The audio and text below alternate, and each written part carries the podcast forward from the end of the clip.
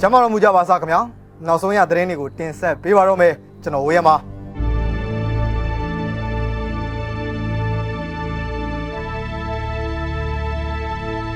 မုံရကကိုဝင်မိုးနိုင်လို့ဖန်ခံနေတနေ့လေးမှာပဲဆရာမလေးဖန်ခံရတယ်တည်ရတယ်မန္တလေးကတပိတ်စစ်ကြောင်းပုံနေနေပြီလား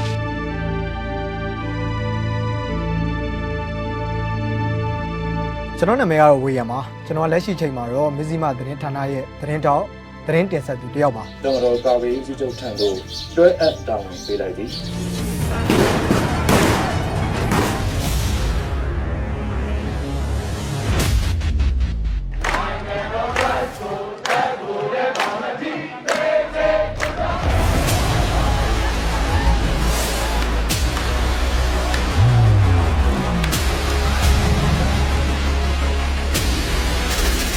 အာနာသိမ့်လိုက်ပြီဆိုတာနဲ့ ကျွန်တော်တို့စဉ်းစားမိတာတခုရှိတယ်ပေါ့နော်ဒါပါလဲဆိုရင်စစ်ကောင်စီဟာပြည်သူရဲ့နားနဲ့မျက်စိတွေဖြစ်တဲ့သတင်းဌာနတွေကိုပိတ်ပင်တော့မယ်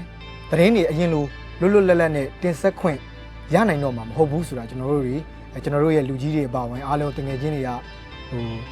တိုင်ပင်ပြီးတော့တိကြပဲပေါ့နော်စစ်ကောင်စီရန်နာခိုင်းလိုက်တာနဲ့ရန်နာမာလာဒါမှမဟုတ်လို့ရှိရင်အဖြစ်မှန်တွေကိုပြည်သူထံကိုဘယ်လိုမျိုးတင်ပြမှာလဲဆိုတဲ့ဟာတွေ ဟိုကျွန်တော်တို့စဉ်းစားလာတယ်ပေါ့ကျွန်တော်ဆိုရင်လည်းအာနာသိမ့်ပြီးနောက်ပိုင်းရန်ကုန်မှာဆန္ဒပြပွဲတွေဖြစ်တော့ကျွန်တော်မှရှိတဲ့မိုဘိုင်းဖုန်းနဲ့ကျွန်တော်ဆန္ဒပြရုပ်သံတွေဓာတ်ပုံတွေရိုက်ပြီးတော့ဒီမြစည်းမသတင်းဌာနကိုပို့တယ်အဲ့လိုမျိုးအဲဆက်ပြီးတော့ကျွန်တော်တို့ဒီရန်ကုန်မှာကျွန်တော်မြင်းဒီကုန်းမှာဒီဆန္ဒပြပွဲတွေအားကောင်းပြီးတော့ဖြိုခွဲခံရတာတွေစတင်လာတဲ့အချိန်မှာကျွန်တော်တို့ဆန္ဒပြတဲ့ပြည်သူတွေနဲ့အတူတူဒီမျက်ရည်ပုံတွေကြားမှာနောက်ပိုင်းစစ်ကောင်စီတပ်ကပြည်သူကိုပြစ်ခတ်တပ်ဖြတ်တဲ့အချိန်မျိုးတွေမှာလည်းဒီကြည်စံတွေကြားထဲမှာ ကျွန်တော်တို့ပြေးလွှားရင်းနဲ့ဘယ်နေရာမှာတော့ဘာတွေဖြစ်နေပါလဲစစ်ကောင်စီကပြည်သူတွေကိုတပ်ဖြတ်နေပါတယ်ဆိုတော့မှတ်တမ်းတွေကျွန်တော်တို့ live လွှင့်တာတွေအဲရုပ်ပုံတွေ video file တွေ interview တွေရအောင်ကျွန်တော်တို့ဒီအသက်နဲ့ရင်းပြီးတော့ဒီသတင်းတောက်တွေကနေတင်ဆက်ပေးရပါတယ်ကျွန်တော်တို့သတင်းရယူဖို့စူးစမ်းရုန်းကန်ရပါတယ်ဒီနောက်မှာစစ်ကောင်စီတပ်ဟာကျွန်တော်တို့အာဏာသိမ်းပြီးတစ်လအကြာဒီ match လမှာ10ရက်နေ့မှာကျွန်တော်တို့သတင်းဌာနကြီးတွေကိုထုတ်လွှင့်ခွင့်ပိတ်သိမ်းလိုက်ပါတယ် အဲအဲ့ဒီထဲမှာဆိုလို့ရှိရင်ကျွန်တော်တို့မြစည်းမပါမယ်ခစ်တစ်ပါမယ်70ပါမယ် DVB ပါမယ်မြန်မာနောင်းပါမယ်ပေါ့နော်အဲ့တော့သတင်းဌာနတွေကိုထုတ်လွှင့်ခွင့်ပိတ်သိမ်းလိုက်တယ်ဒါပေမဲ့အဲ့ဒီသတင်းဌာနတွေကဆိုရင်ကျွန်တော်တို့စစ်ကောင်စီကပိတ်သိမ်းပေမဲ့ပြည်သူတွေစီကိုသတင်းအဆက်ပြတ်မသွားအောင်တိုင်းနယ်ပြည်နယ်တည်တည်ကသတင်းတွေကိုဆက်လက်ပြီးတော့တင်ဆက်နေပါသေးတယ်အဲစစ်ကောင်စီကလည်းသူတို့ရဲ့ဖိအားပေးမှုကိုလက်မခံတဲ့သတင်းဌာနတွေကိုစစ်အင်အားအလုံးရင်းနဲ့ဝင်ပြီးတော့ဖျက်ဆီးတာတွေသတင်းထောက်တွေကိုပြစ်မှတ်ထားပြီးတော့ ဖမ်းဆီးတပ်ဖြတ်တာတွေဒါမျိုးတွေတွင်တွင်ကြီးလှုပ်လာပါတယ်အဲနောက်ပိုင်းဒီအဲစင်းတွေတင်းတင်းကြပ်ကြပ်စစ်လာတဲ့အချိန်မှာတော့ကျွန်တော်တို့သတင်းသမားအများစုက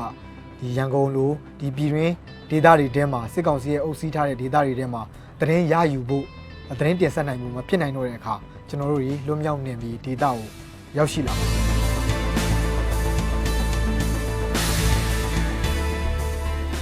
အဲ့လိုလွတ်မြောက်နေမြေမှာဒီတောတွေတောင်တွေရက်ရွာတွေကြားထဲမှာ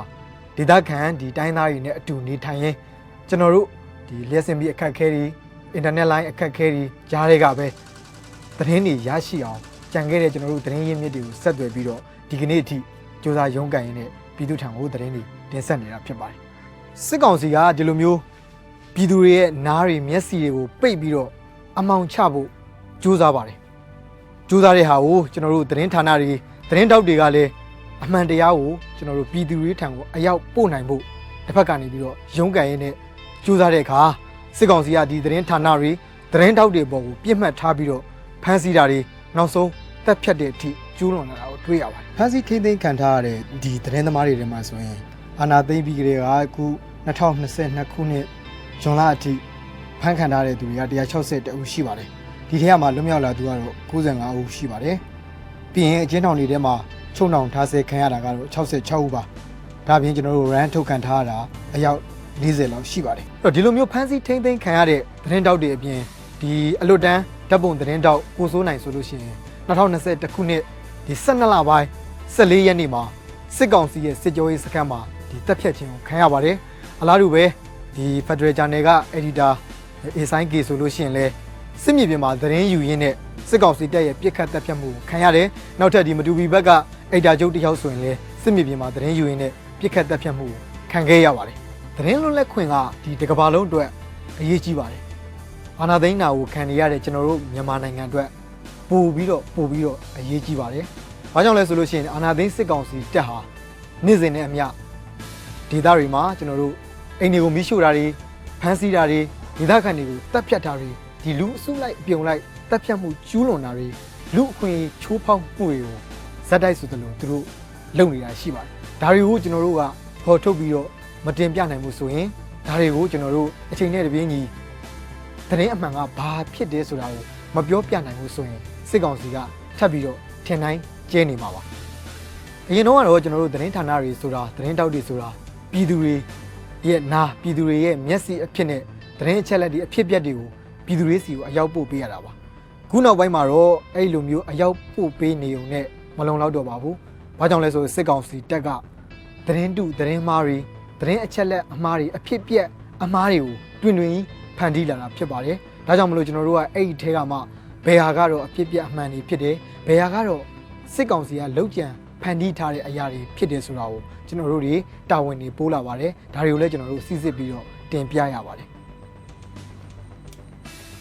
ဒီကာလမှာကျွန်တော်တို့သတင်းဌာနတွေရဲ့နောက်ထပ်အရေးကြီးတဲ့ကဏ္ဍကတော့ ဒီပြည်သူလူထုရဲ့အတန်နဲ့ဒီလက်ရှိမှာတော်လိုင်းရေးအစိုးရလို့ပဲပြောပြောဒီတော်လိုင်းရေးကာလမှာဦးစီးဦးဆောင်လုပ်နေတဲ့သူတွေရဲ့ကြားမှာပေါင်းကူပေးတဲ့တရားတစ်ခုလည်းဖြစ်ပါတယ်အဲ့တော့ဒီကာလမှာဆိုလို့ရှိရင်ကျွန်တော်တို့ဒီတိုင်းရင်းသားတွေရဲ့အတန်တွေလည်းအများကြီးကျွန်တော်တို့နားထောင်ဖို့လိုတယ်ဒီပြည်သူတွေရဲ့အောက်မှာခံစားနေရတဲ့သူတို့ရဲ့ဖြစ်လို့တဲ့သူတို့တိဆောက်လို့တဲ့နိုင်ငံဒါတွေကိုလည်းကျွန်တော်တို့ဒီသက်ဆိုင်ရာတိုင်းပြည်ကိုတိဆောက်နေတဲ့ဥဆောင်နေတဲ့သူတွေစီကိုအရောက်ပို့ပေးဖို့အတွက် သတင်းဌာနတွေမှာတာဝန်ရှိပါတယ်အဲ့တော့ဒီလိုမျိုးဟာတွေကိုဆက်လက်ပြီးတော့ကျွန်တော်တို့တွေလှုပ်ဆောင်နိုင်ဖို့ဆိုရင်နိုင်ငံတကာအဖွဲ့အစည်းတွေရဲ့အခုအညီတွေကလည်းဒီကာလမှာအများကြီးလိုအပ်ပါတယ်လူတူတယောက်စီတိုင်းသတင်းရရှိခွင့်ဟာလူအခွင့်အရေးတစ်ရပ်ဖြစ်ပါတယ်ဒီလူအခွင့်အရေးရရှိဖို့အတွက်လည်းသတင်းဌာနတွေရဲ့လှုပ်ဆောင်မှုအခမ်းကဏ္ဍဟာအရေးကြီးတဲ့နေရာမှာရှိနေပါတယ်